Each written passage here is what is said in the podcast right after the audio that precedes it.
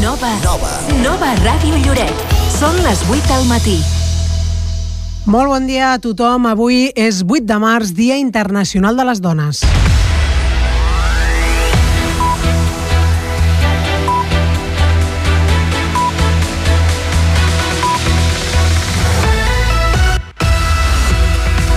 Com no pot ser d'una altra manera, ens centrarem en totes les activitats que s'han programat per avui amb la voluntat de commemorar el Dia Internacional de les Dones. El més destacat és l'acte institucional de l'Ajuntament, que començarà a les 7 de la tarda al teatre i comptarà amb música, dansa, projeccions i la lectura del manifest per part de l'alcalde en funcions, Albert Robert. L'entrada és oberta a tothom, com diem, a partir de les 7 de la tarda. Abans, a les 6, sortirà la manifestació que ha convocat l'Aurora des de la plaça de la Vila fins al teatre, sota el lema Molt per defensar. L'entitat estarà acompanyada de la colla de percussió Calatrons. Molt bon dia a tothom, benvinguts a un bon dia bona hora que avui ve molt farcit de feminisme i reivindicació. Per saber què més tenim preparat, saludem, saludem l'Eduard Lanzas. Edu, bon dia. Hola, bon dia Maria, bon dia a tothom. Avui parlarem amb la guanyadora, amb la guanyadora de la tercera edició del Premi Aurora. És la historiadora lloretenca Montserrat Sala i Vila, a qui volem felicitar a banda de saber com ha rebut la notícia que ella és la guardonada. L'entrega es farà aquest diumenge en el Vermut de l'Aurora. I de cara a dissabte a la tarda es farà una xerrada titulada Ecofeminisme i mite, que comentarem els detalls amb la ponent, que és la crítica de cinema feminista Mireia Iniesta. La conferència es farà dissabte a dos quarts de set de la tarda a Can Gallissà. I també volem ser també volem saber, volem saber, volem dir com commemoren, eh, commemoren el 8 de març tres centres educatius del municipi. Les escoles Àngels Alemany, la Immaculada Concepció i l'Institut Rocagrossa. Escoltarem representants dels tres centres. I també escoltarem un fragment del manifest que han llegit les jugadores de l'Atlètic Club Lloret per reivindicar el paper de les dones en el món de l'esport. Recordarem que aquesta tarda es du a terme un taller d'autodefensa destinat a dones i deixant de banda la commemoració del 8M, també us volem explicar que aquest dissabte se celebra la festa a Holi al barri de Can Carbó, organitzada per l'Associació Cultural de l'Índia i el Pla d'Acció Ciutadana de Benestar i Família. En parlarem amb un representant de l'entitat, Narendra Nayani, i també la regidora Arantxa Jiménez. I acabarem el Bon Dia Bon Hora, si hi ha temps, amb un altre recordatori. Els alumnes de l'Institut Escola col·laboren aquesta tarda amb una campanya extraordinària de donació de sang. Doncs tot això i, com sempre, també el repàs de l'actualitat general i les, amb les portades dels diaris i la previsió meteorològica és el complirà de contingut el Bon Dia, Bona Hora que avui fem possible Rosa Giral, Moisès Garcia, Josep Altafulla i aquí en directe Eduard Lanzas i Maria Joan Comartí. Bon dia, bona hora. De dilluns a divendres, de 8 a 9 del matí.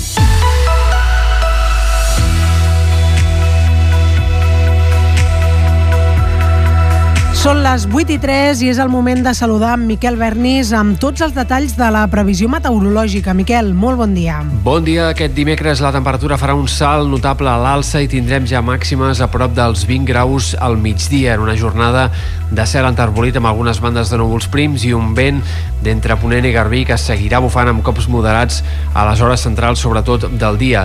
De fet, aquest dijous encara el vent bufarà amb més ganes. Serà el dia més ventós de la setmana i arribarà a bufar amb ratxes de de més de 50 km per hora en alguns moments de la jornada. Un dia, aquest dijous, en què els núvols seran més abundants, arribarà un front més actiu, però tot i així sembla que només deixarà algunes precipitacions en comarques de l'oest.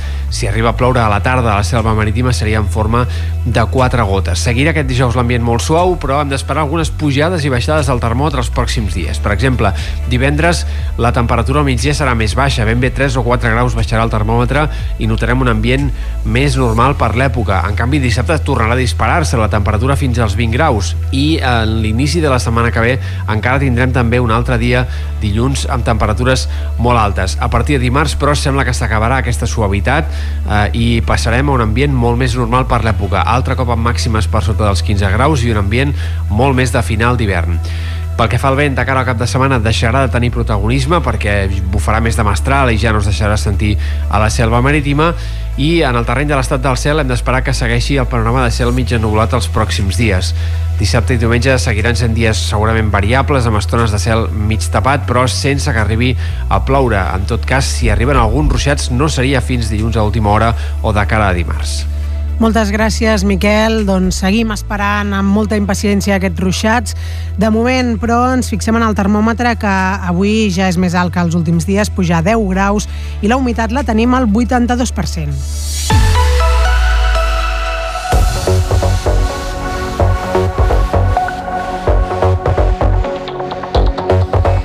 Cinc i del temps saltem a l'actualitat general fixant-nos en les portades dels diaris aquest dimecres 8 de març, una jornada evidentment molt marcada per la commemoració del 8M, el Dia de la Dona, o el Dia de les Dones, depèn. Uh, es pot dir de les dues maneres, o en tot cas ho veiem escrit de les dues maneres. En el cas del diari de Girona, el titular que destaca amb un fons lila és que el govern oferirà productes menstruals gratuïts a les dones. També explica que hi ha un clam de la plataforma feminista que diu que ja n'hi ha prou de control sobre els nostres cossos. Les dones amb discapacitat es troben amb una doble barrera dins del mercat de treball. El deute pendent de la maternitat és, voler ser, és que voler ser mare et penalitza a nivell professional. També en el cas del diari El Punt i dedica tota la portada al 8M, la lluita no acaba. Dues generacions de dones celebren les victòries feministes, però queda camí per recórrer. La reforma de la llei del només sí és sí desencalla, desencallada pel PSOE gràcies al PP i Vox i sense UP i Esquerra Republicana. També es fa ressò dels dispensadors menstruals gratuïts, del mateix combat de sempre, fa diferents reflexions en femení de set dones de la societat civil i en plana esportiva diu demostrem que el bàsquet femení també omple pavellons. Fa, ofereix al punt una entrevista a la jugadora de l'Espar Girona, Faustín Parra. I al diari de Girona hi ha algun altre titular més enllà de la commemoració del 8M, són els següents. Un laboratori dedicat a l'educació i l'arquitectura a Figueres. Girona impulsa un pla per conscienciar els joves de l'abús de les pantalles. Salut fa canvis per tractar millor les ferides cròniques als ambulatoris. Blanes vol convertir la llotja vella en un espai de memòria pesquera pesquera i, finalment, la Fiscalia denunciarà el Barça per corrupció pel cas Negreira. Repassem més titulars a la resta de capçaleres d'aquest dimecres que en bona part totes parlen del Dia Internacional de la Dona. Anem a PAMS i comencem amb el diari El País, que explica que la coalició pot enfrontar la reforma del només sí és sí. Per la seva part, la BC publica que el PSOE és farta de la impresentable Montero. El Mundo recull el PSOE tem patir situacions desagradables avui en el 8M. Ara es fa ressò de feminismes enfrontats. El periòdico es pot llegir amb una infografia de color violeta, 8M tot l'any, i la Vanguardia doncs, es desmarca una mica i s'expressa en aquests termes, el Congrés reactiva la investigació sobre l'Operació Catalunya. Doncs això diuen les portades dels diaris. Repassem breument altres notícies de la jornada i tot i que avui es commemora el Dia de la Dona i veiem molts titulars reivindicatius en aquesta línia, doncs bé, segueixen les violacions i ara han denunciat una violació en grup a una nena d'11 anys en un centre comercial a Badalona. S'han identificat 5 dels 6 presumptes agressors, 3 dels quals són inimputables perquè tenen menys de 14 anys. Doncs déu nhi cada dia tenim notícies similars a aquesta, malauradament, i també també en l'àmbit dels successos, a Blanes s'ha incendiat un autobús i les flames obliguen a evacuar 19 veïns d'un edifici. Els fets han passat aquest dimecres. Les flames que podrien haver començat per una fallada elèctrica no han provocat ferits, però han afectat la façana del bloc de pisos. Atenció a aquesta dada preocupant. Un de cada quatre menors de la Unió Europea està en situació de pobresa segons Save the Children. L'informe de l'ONG sobre pobresa infantil situa Espanya com el tercer estat de la Unió Europea amb més infants pobres. Arxivada la causa a 8 dels 9 docents de Elies al Palau acusats de delicte d'odi per l'1 d'octubre. L'Audiència de Barcelona ha ordenat reobrir la causa per un delicte d'odi contra un dels professors, però ha tancat de forma definitiva les de la resta. La CUP denuncia que Azteoir ha enviat als seus diputats bosses que dins tenien fetos de plàstic i líquid vermell. La diputada de la CUP, Mireia Bahí, diu que l'acció antiavortament recorda la màfia. Sobre el ciberatac al clínic, ja s'han reprès més serveis i es podran fer el 70% de les cirurgies programades. Avui mateix s'atendran entre un 15 i un 25% 100% de consultes externes, però encara no funcionen les extraccions i els pacients oncològics s'han de derivar. Canvis en el mapa de Catalunya. Els municipis de Torà i Biosca deixaran de formar part de la Sagarra i s'integraran al Solsonès. Després de l'aprovació al Parlament, ara ho hauran de ratificar els plens dels dos municipis per majoria absoluta. El Regne Unit expulsarà migrants arribats de forma irregular sense respectar el dret d'asil. El govern de Sunak desafia els límits de la legislació internacional i insisteix en les deportacions a Ruanda. Mobilització multitudinària a França contra la reforma de les pensions de Macron. Les manifestacions al carrer han aplegat centenars centenars de milers de persones, però la vaga no ha aconseguit paralitzar el país. De l'àmbit cultural, destaquem que familiars de Bruce Willis, que té demència, han demanat als paparazzis que no l'assetgin. Eman Hewen Willis diu que cal fer més pedagogia sobre com de complicat és sortir de casa per les persones amb demència i els que els acompanyen. I en plana esportiva, l'Eurolliga de bàsquet, el Barça va caure a la pista del líder. L'Olimpiakos va guanyar els blaugranes per segona vegada amb un resultat de 77 a 70 i s'ha classificat per als play-offs. Ara mateix són les 8 i 10. ¿Cansado de interrupciones en tus llamadas y conexiones lentas a Internet? No busques más. Con Fitel Fibra Óptica y Telefonía Móvil, disfruta de una conexión rápida y estable en todo momento. Con nuestra tecnología de vanguardia tendrás la mejor experiencia de navegación y llamadas de alta calidad, sin importar dónde estés. Únete a la revolución tecnológica y elige Fitel. Fibra óptica y telefonía móvil en Lloret de Mar. Conéctate a Fitel.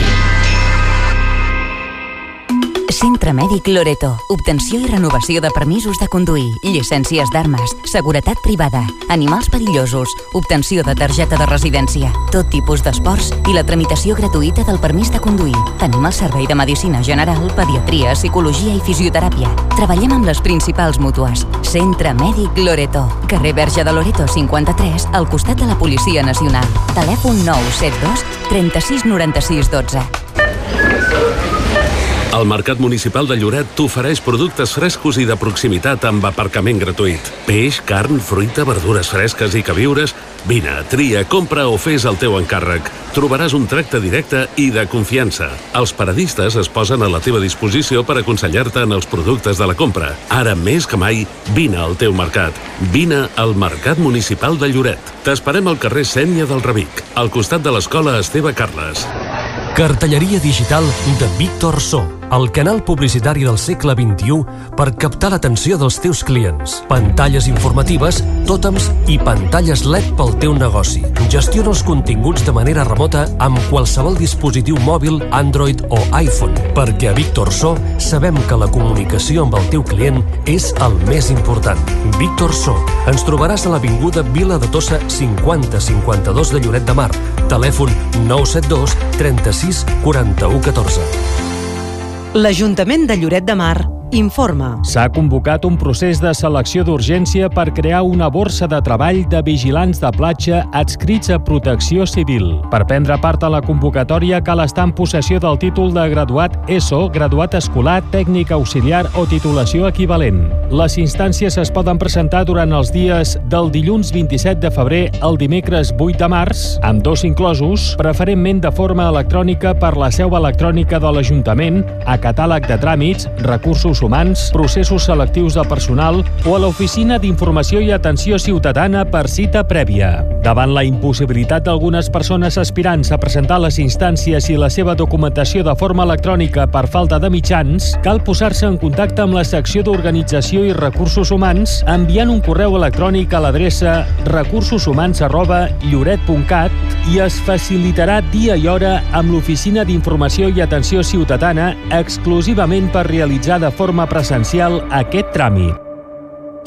La secció de comerç de l'Ajuntament de Lloret de Mar organitza el cicle Gastronomia i Mercat, una iniciativa oberta a tothom per posar en valor els joves restauradors lloretencs, la gastronomia local i el mercat municipal. Propera sessió dissabte 11 de març a dos quarts de 12 del migdia a l'espai polivalent del Mercat Municipal amb el taller de daiquiris i tapes a càrrec del gastrònom Joan Pau Romaní i del bartender Juan López Escalona, tot de la mà d'Amargura Cultura. Per participar al taller cal inscripció prèvia a lloret.cat barra gastromercat amb un aforament limitat a 30 persones. Per assistir com a oient no cal inscripció. Més informació a www.lloret.cat barra comerç. Botiguers, hotelers, restauradors, tots d'alguna forma es guanyen la vida. I ara ens ho expliquen a la ràdio. Hem fet l'agost. Hem fet l'agost. El programa en què conversem amb els empresaris de la vila. Escolta'ns cada dimecres a les 9 del matí a Nova Ràdio Lloret. Aquest dimecres conversem amb Montse Sala.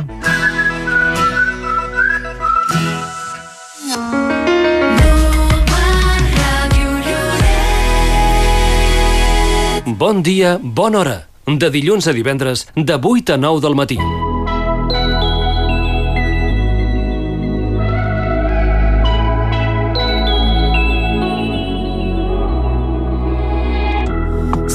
Ser prou especial per ser ni la teva amiga. Si Un quart de nou del matí, aquesta que sentim de fons és la lloretenca Lau Givert, que aquest vespre actuarà l'acte que ha organitzat l'Ajuntament per commemorar el Dia Internacional de les Dones. Un acte que es farà al teatre i que comptarà amb un ampli ventall de propostes sota el lema Som el que defensem. L'actuació de Lau Givert serà una de les més esperades. La cantant que es va fer popular, sobretot arran del seu pas al programa Eufòria de TV3, convida a tothom a assistir a la festa. Què tal? Soc la Lau Givert i vinc a dir-vos que estaré el dia 8 de març al Teatre de Lloret de Mar per commemorar el Dia Internacional de la Dona perquè cal reivindicar que hem de seguir lluitant pels nostres drets i igualtats i em fa moltíssima il·lusió i què millor que fer-ho amb la música. A banda... Petonàs. A banda de l'Au Givert, també actuarà la lloretenca Trama. De música també n'hi haurà amb les actuacions de dansa que han preparat l'Escola de Ballet Sara Díaz i l'Acadèmia de Dansa Alira. Un altre dels moments destacats serà la presentació dels Premis 8 de març Carme Ramírez, un guardó que portarà el nom de la primera sergenta de la Policia Local de Lloret, que va morir a finals de l'any passat. Aquests guardons tindran com a finalitat lluita contra la desigualtat de gènere i s'adreçaran als alumnes de quart d'ESO i primer de batxillerat, segons explica la regidora d'Igualtat, Jennifer Pérez. Que reconeixeran la tasca que es pugui fer per part dels alumnes de quart d'ESO i de primer de batxillerat a tots els centres educatius de Lloret de Mar eh, sobre la, la igualtat de gènere els alumnes que vulguin participar-hi podran presentar un relat o fer alguna obra artística, ja sigui una pintura o un mural. La finalitat sempre haurà de ser la igualtat entre homes i dones. La regidora d'Igualtat en donarà tots els detalls aquesta tarda, quan es farà la presentació oficial dels premis. I a l'acte d'avui també es projectarà un vídeo sobre les dones talentoses de Lloret de Mar. Es tracta d'un audiovisual elaborat pel PLAC, que és el Pla Local d'Acció Ciutadana de Benestar i Família, que ha comptat amb la col·laboració d'una quarantena de dones de diferents associacions del municipi. I l'alcalde en funcions, Albert Robert, farà la lectura del manifest institucional. Tot plegat començarà a partir de les 7 de la tarda al Teatre del Lloret i l'entrada és oberta a tothom. Abans de l'acte, però, l'Aurora convoca tothom a les 6 de la tarda a la plaça de la Vila, des d'on sortirà una manifestació que anirà fins al teatre. Una representant de l'entitat, Maite Rodríguez, explica que el lema que han escollit per la protesta que reivindica els drets de les dones és molt per defensar. Nosaltres, diguem, sí, som el que defensem, però és que encara tenim molt, molt, molt per defensar. I aquest serà el lema. I serà la pancarta grossa, per dir-ho d'alguna manera, la principal.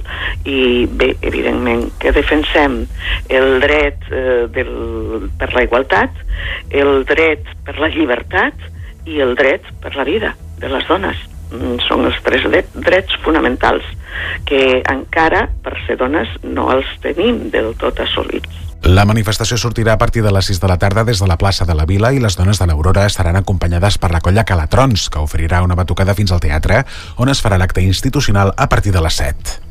De cara a diumenge es farà el ja tradicional vermut de l'Aurora i s'entregarà el tercer Premi Aurora, que aquest any recau en la historiadora Montserrat Sala i Vila. El vermut començarà després de l'espectacle Ritos de Amor i Guerra a càrrec de Comando Senyores, un espectacle que es va estrenar el 2019 i que ha estat i que ha anat evolucionant i canviant amb el pas del temps i en funció de les dones que el duen a terme, que són al voltant d'una vintena. Ens en parla de l'espectacle la seva directora, Alicia Reyero. L'espectacle és un ritual eh, a temps real i des de l'inici fins al final, eh, en la que bueno, mostrem pues, molta tendresa, eh, volem donar valor a les cures, a tot el món de la senyora i també reivindicar els feminicidis i, i fer-ho amb amor, amb un esperit de lluita i amb molta consciència. Ritos de Amor i Guerra es podrà veure aquest diumenge a les 12 del migdia al teatre, just abans del vermut de l'Aurora, i l'entrada és gratuïta. I com diem, en el marc del vermut, Montserrat Sala i Vila rebrà el Premi Aurora del 2023. L'entitat ha escollit la historiadora lloretenca per la seva trajectòria, ja que ha fet diferents estudis i investigacions que busquen remarcar el paper de la dona a la societat lloretenca dels segles XIX i XX. Una representant de l'Aurora, Maite Rodríguez, exposa que Montse Sala mereix el guardó perquè ha estat pionera en treure la llum i donar visibilitat a diferents perfils de dones que fins ara no havien estat estudiades i que eren invisibles en una societat on tenien un rol secundari. Ella posa de relleu el paper de les dones en una societat en el, la qual tenien suposadament un paper secundari, en canvi sí que van ser eh, protagonistes, pioneres i, i molt representants de moltes coses.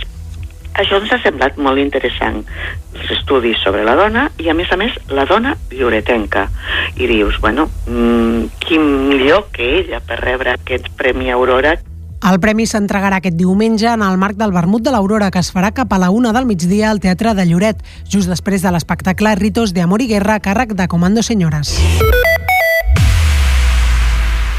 És una entrevista que ha enregistrat en Josep Altafulla. Doncs parlem amb Montserrat Sala i Vila. La saludem. Bon dia. Hola, bon dia. Primer de tot, felicitats pel guardó. Moltes gràcies. Te l'esperaves? Gens ni mica, però per res, no sabia, no sabia ni que la meva candidatura l'estava presentada, imagina't. Què destacaries, però, dels estudis que has fet entorn a les dones lloretenques? Què en destacaria? Mira, sobretot que més enllà de la mirada de que la dona benestant es quedava a casa i que només tenia cura de la família i, i de la casa i poca cosa més, vale, que tenia un paper secundari, el que m'està demostrant la recerca que porto a terme és que no sempre és així moltes vegades elles estan al capdavant dels negocis, no, poder no, no al capdavant en el sentit de que veiem, no estan, estan en allà, ¿vale? Vull dir, gestionen tant la família com els negocis i estan al tanto de tot. Això és el que més crec que cal destacar. En els temps que estem vivint i que es posa tant en valor la figura de la dona, creus que encara pren més valor que, que, que ho veiem o ho destaquem des d'un prisma més local? Eh, I tant. Jo és que sempre penso que... Jo, en el fons, el que estic fent és una història que va de lo petit a lo gran, ¿vale? De la particularitat a, a l'aspecte general. Eh? I en, en aquest àmbit local, doncs, doncs jo crec que, que va molt bé i és molt representatiu.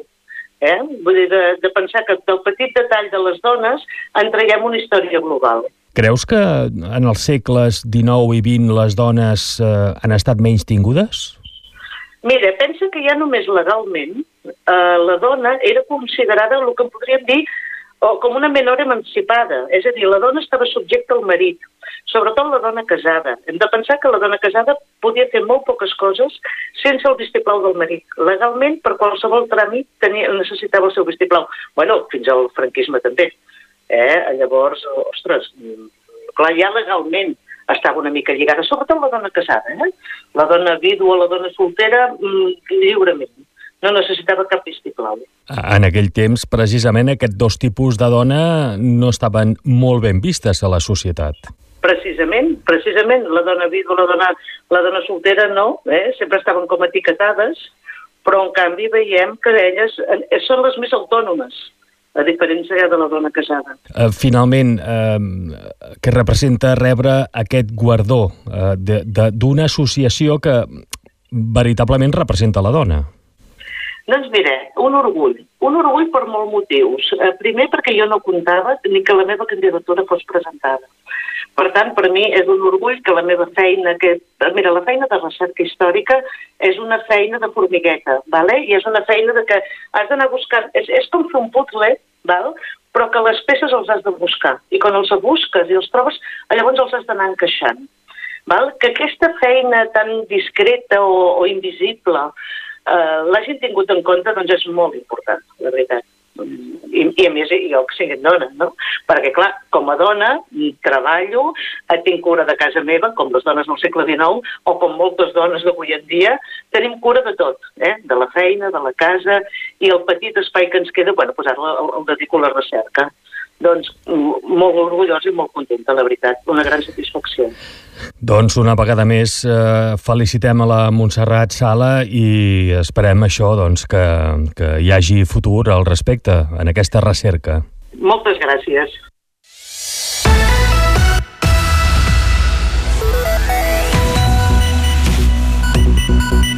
Bon dia, bona hora. De dilluns a divendres, de 8 a 9 del matí. 8 i 24 i seguim aquí al Bon Dia Bon Hora parlant d'actes que estan organitzats amb motiu del 8M, que és el Dia Internacional de les Dones, perquè ens volem fer ressò ara de la conferència que s'ha programat per aquest dissabte titulada Ecofeminisme i mita. Organitzada per l'Aurora, la xerrada anirà a càrrec de Mireia Iniesta, que, entre moltes coses, és crítica de cinema feminista i docent. L'acte es farà aquest dissabte a dos quarts de set de la tarda a Can Gallissà. Saludem la Mireia Iniesta. Molt bon dia. Hola, molt bon dia i molt bona hora. Què explicaràs, Mireia, en aquesta xerrada que has titulat Ecofeminisme i mita? Sí, eh, per començar a dir que el títol es queda una mica curt. perquè hauria de ser, és, és culpa meva, però hauria de ser ecofeminisme, mite i cinema, perquè tot això eh, és dins de l'entorn de les últimes pel·lícules que s'estan fent. Eh, podria ser El Carràs, eh, de, la, de la Simó, El Agua, Secaderos, eh, recuperarem Una mujer en Àfrica de la Claire Denis, i totes aquestes pel·lícules eh, denuncien la decadència d'aquest bueno, món des d'un punt de vista ecològic i de la fi dels petits negocis familiars. Llavors hi ha una, una reflexió ecofeminista al rerefons de totes aquestes històries. Hi ha la idea de posar les cures dels cossos al centre de la vida i hi ha aquesta idea de la reformulació dels mites i de la tradició oral, no? aquestes petites històries que s'expliquen en petits entorns rurals, de la bruixa, la, la dona dolenta... Doncs estem davant d'uns personatges femenins, adolescents, que estan a punt de passar a l'edat adulta eh, i llavors viuen un procés relacionat amb, amb, bueno, amb bueno, amb aquest passatge a l'edat adulta, perdó, viuen un procés de reformulació d'aquests mitos, de reformulació eh, d'aquesta tradició oral eh, que, diguéssim, posa un estigma a les dones. Llavors, eh, elles fan una vivència relacionada amb aquest entorn natural en el que viuen, relacionada amb aquesta denúncia eh, de la fi d'aquests petits negocis familiars i s'apoderen a través de, de l'apropiació del mite i de donar-li la volta a aquesta idea de la bruixa, de la mala dona, eh, bueno, i surten victorioses. No sé si m'he explicat gaire bé. És a dir, la, la importància que té la, aquest empoderament femení, aquest agafar les regnes per, per tirar endavant, eh, doncs en aquest cas, negocis familiars o, o altres fites. Seria aquesta la idea? Sí, o fins i tot allunyar-se d'aquests negocis familiars perquè eh, estan morint, perquè estan en mans d'un neoliberalisme salvatge, perquè estan en mans d'empreses més grans que busquen l'extractivisme, llavors es busca una reformulació de tot aquest món que està en decadència. Llavors, per una banda tens la decadència d'aquest de, model de petit negoci familiar i per altra banda tens la decadència d'aquest estigma que s'ha posat a les dones en aquests entorns rurals. Clar, Més en, o menys és una mica això. En aquest sentit, Mireia, el que fa és una mica és agafar a través del cinema a fer un, un anàlisi de com és la societat, no? perquè en aquestes pel·lícules veiem casos que, que, són, que es poden extrapolar a la realitat. No, totalment. És a dir, són casos que es poden eh, extrapolar a la realitat eh, totalment. L'única, la gràcia també és que en algunes d'aquestes pel·lícules es fa servir l'element fantàstic sí? Uh -huh. eh, llavors, mm, bueno, per exemple, a Secaderos, de Rocío Mesa, hi ha una criatura sobrenatural que és un, simbolitza uh, l'ecologia i l'ecofeminisme, per exemple. Llavors també és veure com el cinema ha buscat estratègies des del seu llenguatge per denunciar aquesta situació. I tu que t'has especialitzat en aquesta crítica feminista del cinema, qualsevol pel·lícula es pot veure amb aquesta òptica? Si es pot llegir des d'una òptica feminista, sí. al cinema tot, mm, bueno, no. Malauradament, no tot el cinema és feminista, però sí que és veritat, i això em fa il·lusió dir-ho, que des de l'any 2013 a la revista Calle, eh, Callers du Cinema, abans es deia eh, Callers du Cinema Espanya, ara es diu Caimán Quaderns de Cinema, va identificar, la crítica va identificar un grup de, de persones joves, una nova generació de cineastes, eh, noies i nois, eh, bueno, i trans, que parlaven de, des d'una altra perspectiva, no? i això es diu el nou cinema, l'altre cinema. Llavors, dins d'aquesta aquest, corrent va sortir una cantera molt important de cineastes dones catalanes, no?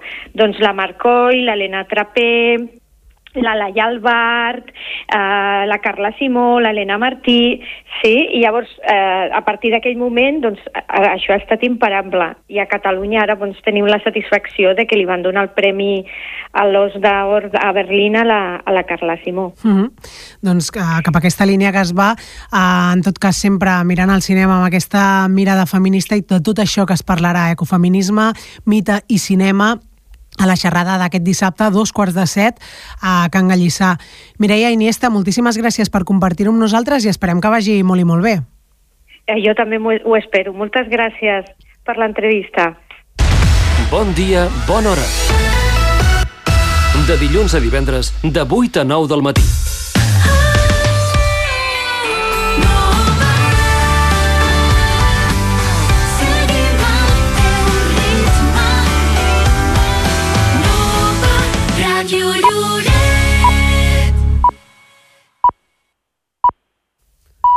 Són ara dos quarts en punt.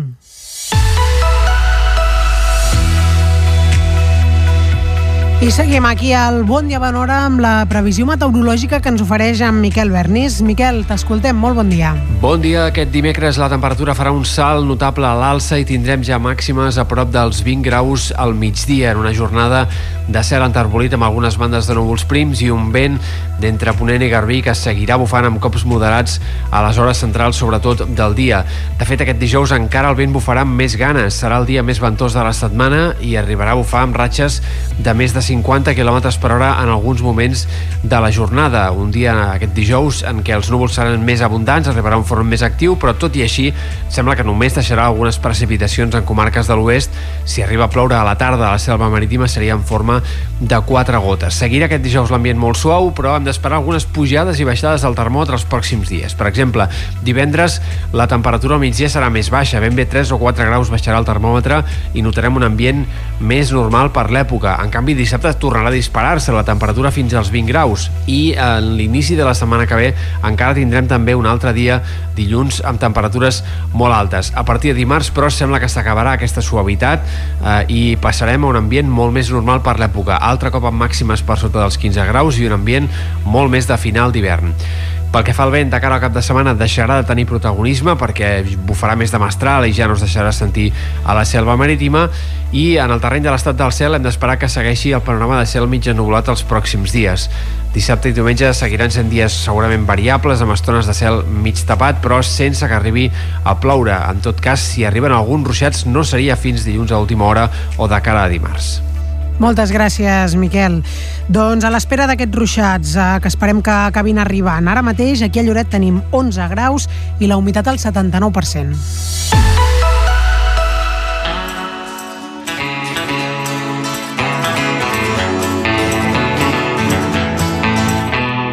Un paisatge, una història, un vent de l'oest. La vigília d'un nou dia, un cor efervescent. Quan no puguis més... Passen 3 minuts ara mateix a dos quarts de nou del matí. Seguim endavant en el Bon Dia Bon Hora i també seguim parlant del Dia Internacional de les Dones. D'avui, de fet, passem ara a tres centres educatius de la vila, l'Escola Àngels Alemany, la Immaculada Concepció i l'Institut Rocagrossa, que també se sumen a la commemoració. I escoltem de fons aquesta cançó que es diu Lliure i Forta, del cantautor Joan Rovira, perquè és una de les melodies que treballen aquests dies a les classes de música i l'alumnat de l'Àngels Alemany. És una de les moltes activitats que duen a terme per commemorar el 8M, tot i que la directora del centre, Carme Nicolàs, matisa que els valors del feminisme, la igualtat i la no violència els treballen durant tot l'any. Tenim clar que cal seguir reivindicant amb força els drets i el paper de la dona a la societat. És per aquest motiu que ja fa uns quants dies que a les aules s'estan portant a terme tot un seguit d'activitats. Eh, ens agradaria, però, deixar clar que, que no és només, no ho deixem exclusivament per a, pel 8M, sinó que treballem cada dia a favor de la igualtat de gènere real i per a una societat lliure de, de discriminacions i de violències. Entre les activitats que es duen a terme aquests dies n'hi ha una encaminada sobretot a donar visibilitat femenina en professions que tradicionalment s'han relacionat amb els homes. trencar-los amb els estereotips de gènere i visibilitzar els referents femenins de diferents oficis que l'alumnat fins ara acostuma o acostumava a relacionar amb figures més masculines, com serien futbolistes, bomberes, jutgesses, cirurgianes, entre moltes d'altres. A la Immaculada Concepció dedicaran el dia d'avui a parlar dels fets històrics que han portat a la celebració del Dia de les Dones, però a més, tal com explica Adolf Nierga, durant tot el curs duen a terme diferents projectes per posar en valor el paper de les dones en diferents àmbits. Els alumnes de sisè, per exemple, han participat en el projecte Científiques per celebrar el Dia Internacional de la Dona i la Nena en la Ciència. Els alumnes de cinquè estan preparant un projecte que es titula Lloret de Mar, carrers amb nom de dona. Els alumnes d'infantil, de I4 concretament, estan fent un projecte dedicat a l'espai en què la protagonista és una astronauta, l'astronauta nord-americana Aileen Collins, i per acabar, la setmana que ve, el dia 14, celebrarem el dia Pi, el dia de les matemàtiques, en el que les dones matemàtiques també en seran protagonistes. Pel que fa a l'Institut Rocagrossa, també duen a terme diferents activitats i, a més, des de la Comissió de Coeducació, Igualtat i Gènere han organitzat una exposició titulada Lliures i sense por.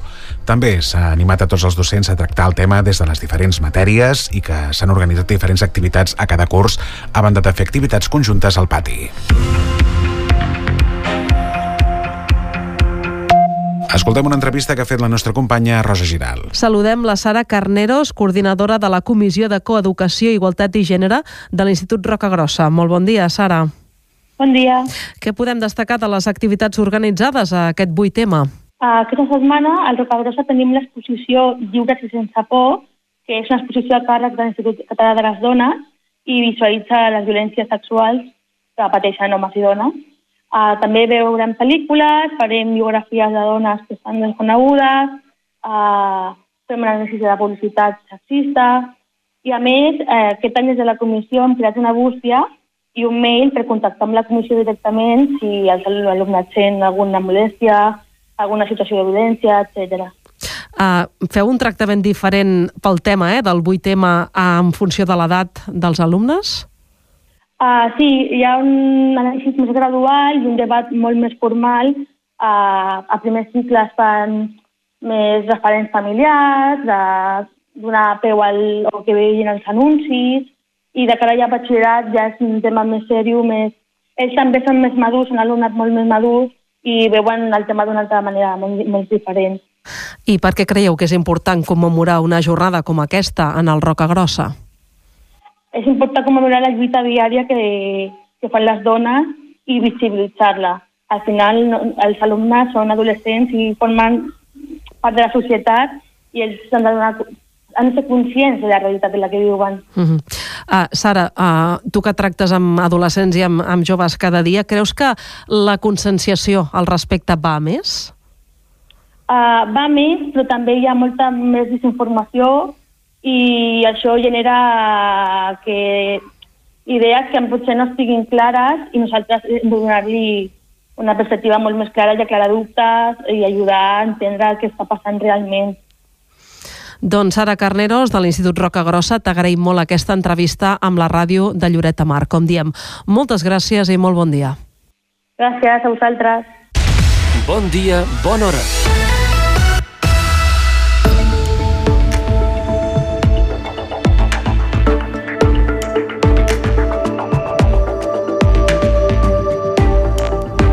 Vuit de matí, 37 minuts, les noies de l'Atlètic Club Lloret reivindiquen el paper de les dones en el món del futbol i de l'esport en general.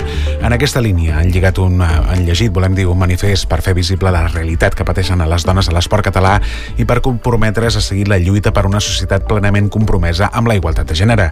L'encarregada de llegir el text ha estat la Carlota Costa, que exposa que hi ha diferents aspectes que cal constatar. L'esport és un reflex de la nostra societat i encara avui trobem exemples de discriminació. La quota de pantalla de l'esport femení en la informació és ínfima respecte a la del masculí. Les dones en l'esport han d'enfrontar-se a episodis de menyspreu pel simple fet de ser dones i pateixen la discriminació que se suposa la bretxa salarial o les dificultats per conciliar el fet de ser mare amb l'esport de competició. En l'àmbit directiu, la manca d'habilització per aconseguir més presència femenina en la gestió i direcció d'administracions i entitats esportives.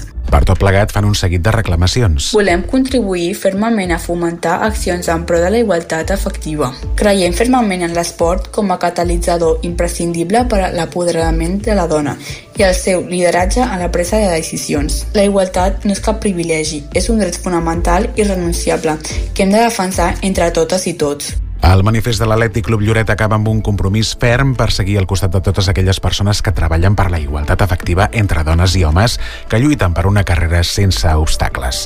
I encara parlant sobre la commemoració del Dia de les Dones, aquesta tarda s'organitza aquí a Lloret un taller de defensa personal adreçat a dones de totes les edats. La finalitat de la sessió és dotar les dones de les eines bàsiques per poder repel·lir un atac.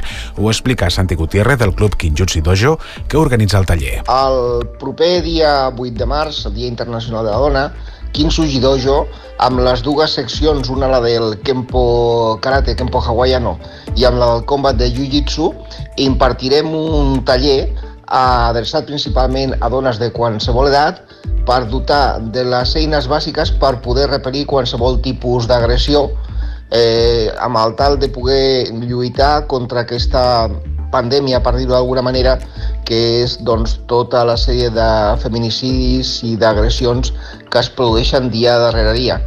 Uh, es farà el dimecres de 6 a 8 de la tarda a les instal·lacions de l'Institut Rocagrossa, a la sala del gimnàs. Per poder assistir només farà falta portar mm, roba còmoda, eh? i llavors allà disposem d'un tatami on podem doncs, poder rebre a tothom que estigui interessat. Qui vulgui assistir al taller només cal que dugui roba còmoda. A les assistents se'ls demanarà la voluntat i els diners recaptats es destinaran a la lluita contra el càncer.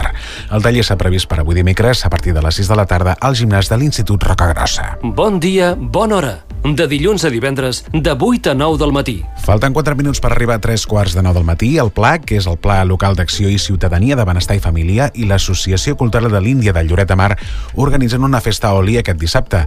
L'activitat, l'activitat, volem dir, l'activitat començarà a partir de les 11 del matí al barri de Can Carbó.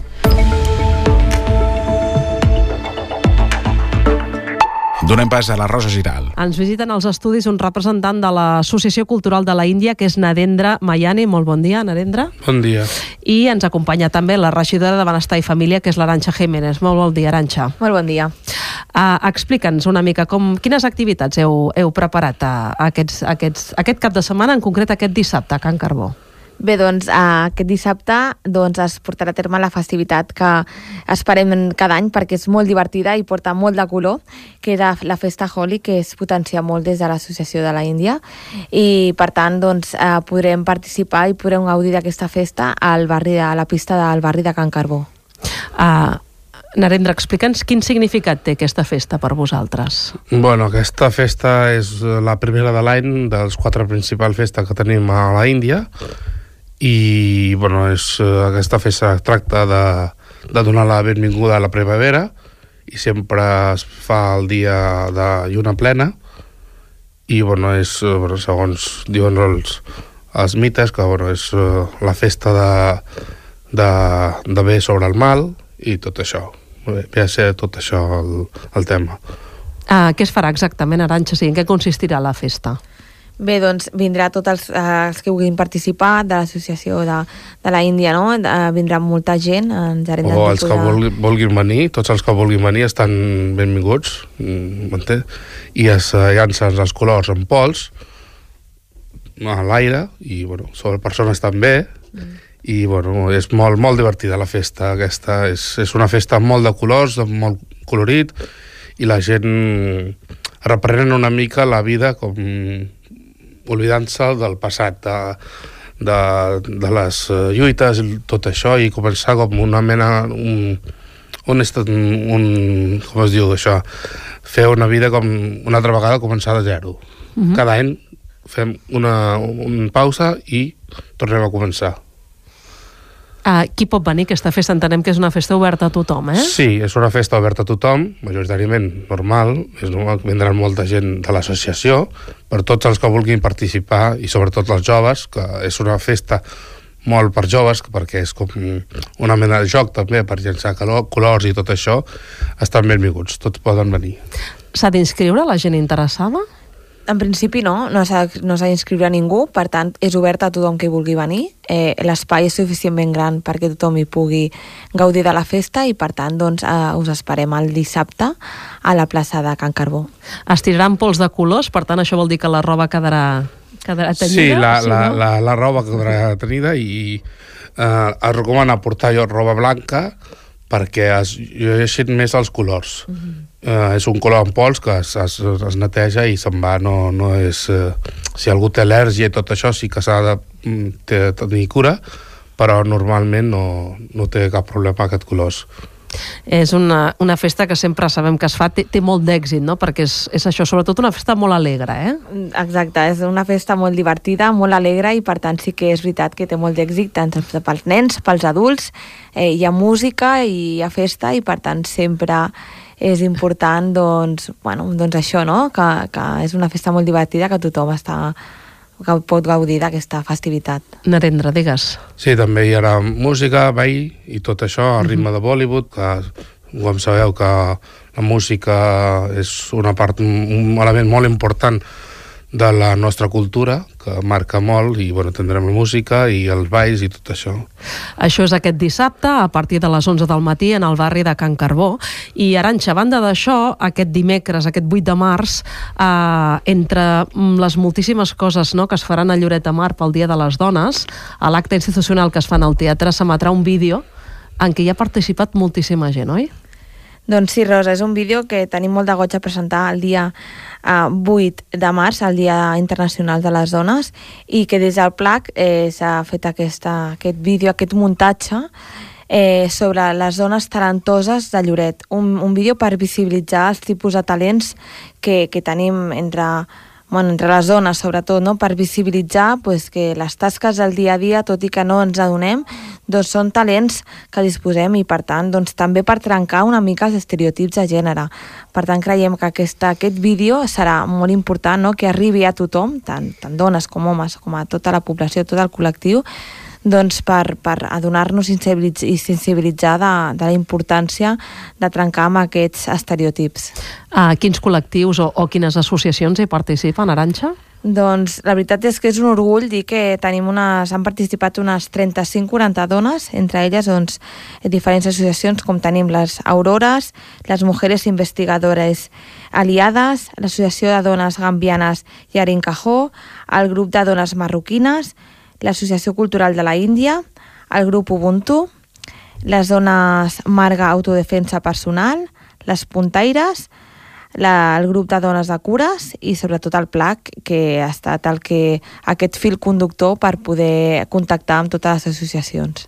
Doncs aquest resultat, no? aquest vídeo el veurem eh, durant el, una mica l'acte institucional que es fa amb motiu del, del 8M en el teatre. Només queda convidar, doncs, Aranxa, si et sembla, a la gent que ens està escoltant ara mateix que vingui no? en el teatre. Doncs, eh, evidentment, tots eh, hem d'anar a una i, per tant, convi eh, animo a tothom a que existeixi, assisteixi en aquest acte, no? Eh, començarà, començarem amb una manifestació i llavors acabarem al teatre on podem gaudir d'aquest muntatge, d'aquest vídeo i donar a conèixer tot el, el nostre objectiu, aquest rerefons a les dones talentoses i trencar amb aquests estereotips de gènere.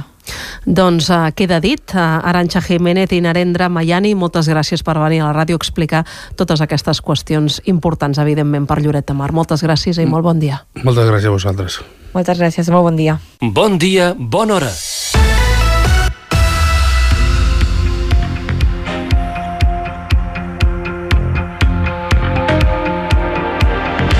8 de matí 47 minuts avancem continguts en el Bon Dia Bon Hora i és que els alumnes de l'Institut Escola col·laboren aquesta tarda en una campanya extraordinària de donació de sang.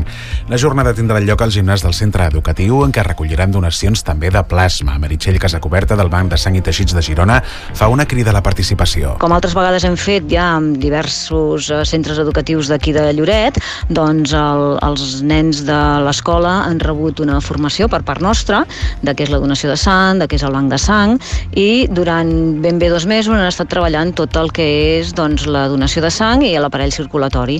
I al final, doncs, al final del projecte, eh, tant per ells com per nosaltres, doncs és això, és organitzar una campanya de donació al seu propi, eh, a, la seva, a les seves pròpies instal·lacions i doncs, animar a tothom a que vingui a donar sang. Aquesta jornada també serà especial perquè a part de, de que portarem les lliteres eh, per venir a donar sang, també portarem lliteres de plasma, com ja normalment fem al teatre teatre. Uh, com ja he dit altres vegades, la donació de plasma uh, bueno, és un dels objectius que tenim com a departament. És important doncs, que com, com a Catalunya doncs, que puguem ser autosuficients en plasma i uh, bueno, per això estem apostant fort amb la donació de plasma, sobretot a Lloret doncs, pel gran nombre de, de donants que tenim i perquè, com també sempre he dit moltes vegades, des de, és una de les poblacions doncs, més importants uh, per nosaltres dins de les comarques uh, gironines.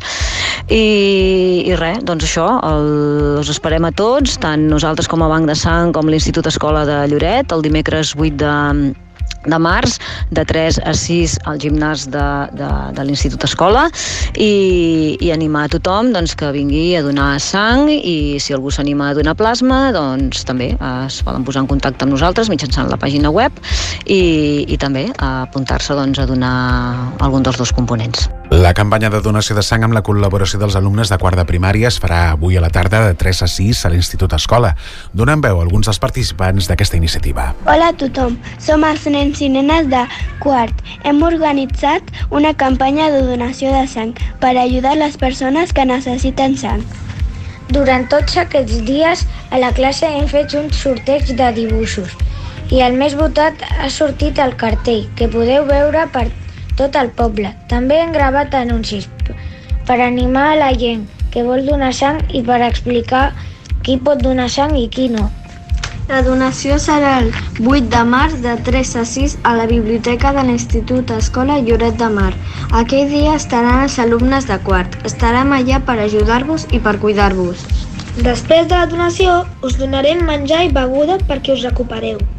Animeu-vos, al final de tot tindreu una sorpresa.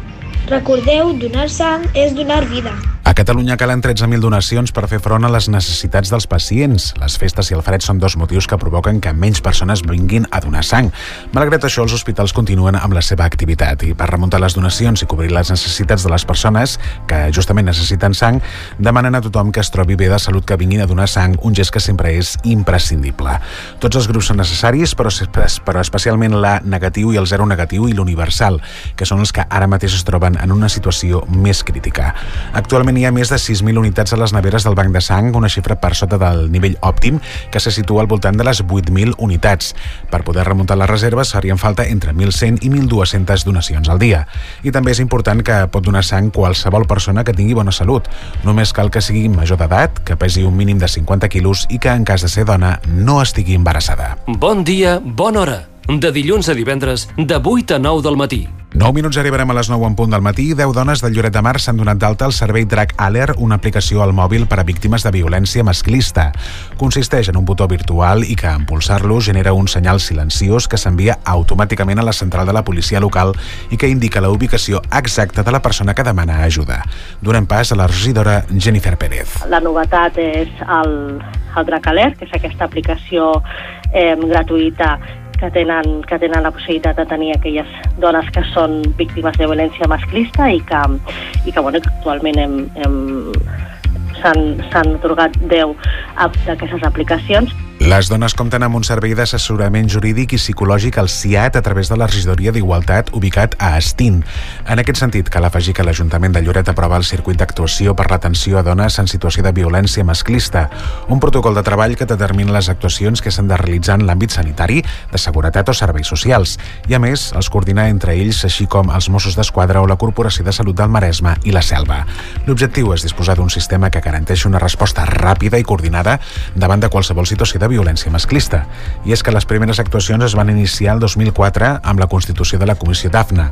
Posteriorment, el 2011, es va iniciar la redacció d'un circuit d'actuació amb els procediments de coordinació entre els diferents departaments municipals i supramunicipals. El que s'ha fet ara és, doncs, és formalitzar en el ple de la setmana passada és l'adaptació al context actual per disposar d'un circuit adaptat a la realitat. Per exemple, s'han tipificat les diferents violències, des de la física a la psicològica, passant per la violència sexual, l'obstètrica, la violència econòmica, la violència de segon ordre, que és la persecució que es dona a persones que donen suport a les víctimes de violència masclista, la violència vicària, la violència de gènere i també la violència domèstica. Bon dia, bona hora. De dilluns a divendres, de 8 a 9 del matí. I també ens fem ressò que el Lloret de Mar torna a engegar les anomenades Tardes Rainbow, un espai de trobada per a persones LGTBIQ+, on, a banda de compartir experiències, es realitzen sessions informatives i d'assessorament sobre tot allò relacionat amb la diversitat afectivo-sexual i de gènere. La regidora d'Igualtat, Jennifer Pérez, explica que les Tardes Rainbow es van iniciar l'any passat com a prova pilot i que han funcionat molt bé i que la voluntat és que tinguin continuïtat. Conclou que permeten donar eines als usuaris. Jo, que potser a casa meva doncs, no poden entendre que, que pugui mm, estimar mm, bueno, o que pugui tenir una determinada orientació sexual, doncs eh, puc trobar-me amb altres persones que estan o han estat en la mateixa situació que jo, podem parlar i puc eh, bueno, doncs tenir aquelles eines eh, per poder doncs, eh, doncs, superar doncs, aquella situació o aquell problema en el que m'estigui eh, trobant. La primera trobada serà justament avui dimecres 8 de març a les 5 de la tarda a Estín. Les altres sessions s'han previst els dies 22 de març, 12 i 26 d'abril i 10 de maig. Les tardes Rainbow les organitza la regidoria d'Igualtat amb la col·laboració de l'associació Plurals. Coordinen dos grups, un format per joves i un altre amb adults. Bon dia, bona hora. De dilluns a divendres, de 8 a 9 del matí. 5 minuts i arribarem a les 9. Mirem ara l'agenda d'aquest dijous. La llar d'infants dels Pops s'organitza una xocolatada solidària el proper 9 de març. Recollirà diners per investigar el càncer infantil a través del projecte que du a terme l'Hospital de Sant Joan de Déu. Ho explica la directora de l'equipament, Anna Mas. Un any més, a la llar d'infants dels Pops, organitzem la xocolatada solidària per impulsar la investigació del càncer infantil a benefici de Sant Joan de Déu. Anoteu, el dia 9 de març posarem una paradeta a cadascuna de les entrades de la llar, a les hores d'entrades i sortides, amb gots de xocolata desfeta, que patrocina la nostra empresa de cuina Sears Food, i fartons que patrocina el nostre panader Comas. I podreu col·laborar amb 2 euros per cada got de xocolata amb un fartó i tot el que recaptem anirà per la investigació del càncer infantil. Així doncs, demà dijous es posarà una parada a la llar d'infants dels Pops amb els horaris d'entrada i sortida. Amb el preu de 2 euros es donarà xocolata, xocolata desfeta i fartons. Els diners es destinaran a Sant Joan de Déu, on investiguen el càncer infantil. Bon dia, bona hora. De dilluns a divendres, de 8 a 9 del matí. I abans de tancar el Bon Dia Bona Hora, fem una ara un punt esportiu i és que Bernat Rivera ha finalitzat en el 25è lloc del Campionat del Món d'Snowboard disputat aquests dies enrere a Bakoreani, a Geòrgia. Ha estat la primera participació del lloretenc en un Mundial i les seves valoracions han estat molt i molt positives. L'objectiu principal era classificar-se entre els 32 millors per accedir a les finals i ho va aconseguir. Bernat Rivera explica que durant la prova se li va trencar una de les fixacions i va patir una caiguda i tot i això es mostra molt satisfet per haver pogut participar en les rondes finals del Mundial. La veritat és que estic molt content, assumint-ho encara una mica. Em, la veritat és que l'objectiu ambiciós d'anar al Campionat del Món era classificar les finals, que classifiquen els 32 primers, i, i bé, vaig classificar, i després a la primera ronda doncs, vaig tenir un problema que se'm va trencar una part de la fixació i això em va impedir baixar correctament i vaig tenir una caiguda. Però, bueno, molt content de, de poder consolidar el meu rendiment amb, amb els millors corredors del món i, i molt motivat per les competicions que, que venen ara. El Lloretenc assenyala que va tenir poc temps de preparació a Geòrgia perquè es va avançar les dates de les rondes classificatòries i finals a causa de la previsió del mal temps. Havien de competir el dia 2 les classificatòries i el dia 3 les finals, el que passa que feia bastant de mal temps, o donaven bastant de mal temps, i ho van avançar tot eh, dos dies. Llavors va ser així com una mica com una mica ràpid, perquè vam arribar, l'endemà ja va ser el test de la pista, després entrenos, i l'endemà dels entrenaments va ser tota la cursa. Aquesta està la primera participació de Rivera en un Mundial. Reconeix que ho ha viscut amb els nervis justos i la pressió justa, però en tot moment ha tingut el cap fred i ha acabat molt content amb l'experiència. L'he viscut amb nervis els justos i la pressió justa, la veritat, perquè és, és un campionat del món, era l'objectiu principal de la temporada. A més, veníem que tots els altres esportistes de la federació um, no ho havien fet eh, massa bé i era com que teníem tota la pressió els que quedàvem de, de bordercross i, i bueno, però la veritat és que ho he viscut bastant bé amb el cap fred on, on havia d'estar i, i això molt content per l'experiència. Ara Bernat Rivera afronta un mes de març frenètic amb sis competicions, dues Copes del Món a Sierra Nevada, una Copa del Món a Suïssa i dues Copes del Món al Canadà, a més del Campionat d'Espanya.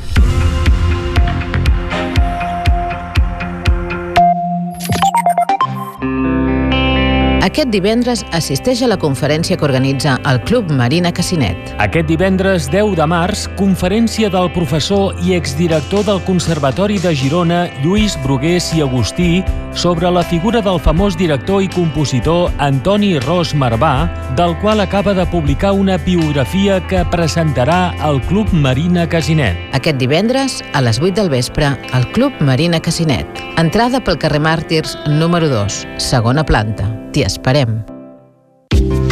Exposicions per visitar a Lloret de Mar. Fins al 14 de març, visita l'exposició Por ser mujer a la Biblioteca Municipal.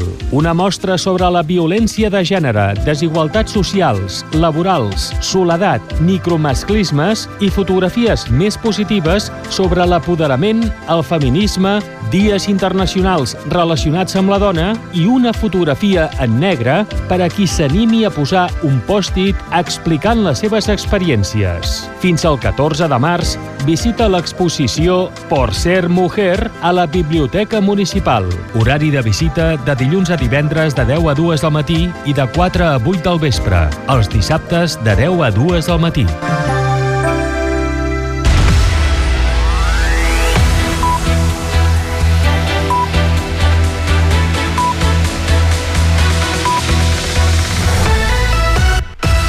30 segons i arribarem a les 9 en punt del matí. Fins aquí el Bon Dia Bona Hora dedicat a aquest Dia Internacional de les Dones. Recordeu que tota la informació la teniu actualitzada en els, eh, de fet en les xarxes socials i també al lloc web de la ràdio. Us deixem amb Hem fet l'agost. Avui la Maria Joan Comartí entrevista la Montse Sala. Que vagi bé. Fins demà. Bon dia, bona hora. De dilluns a divendres, de 8 a 9 del matí.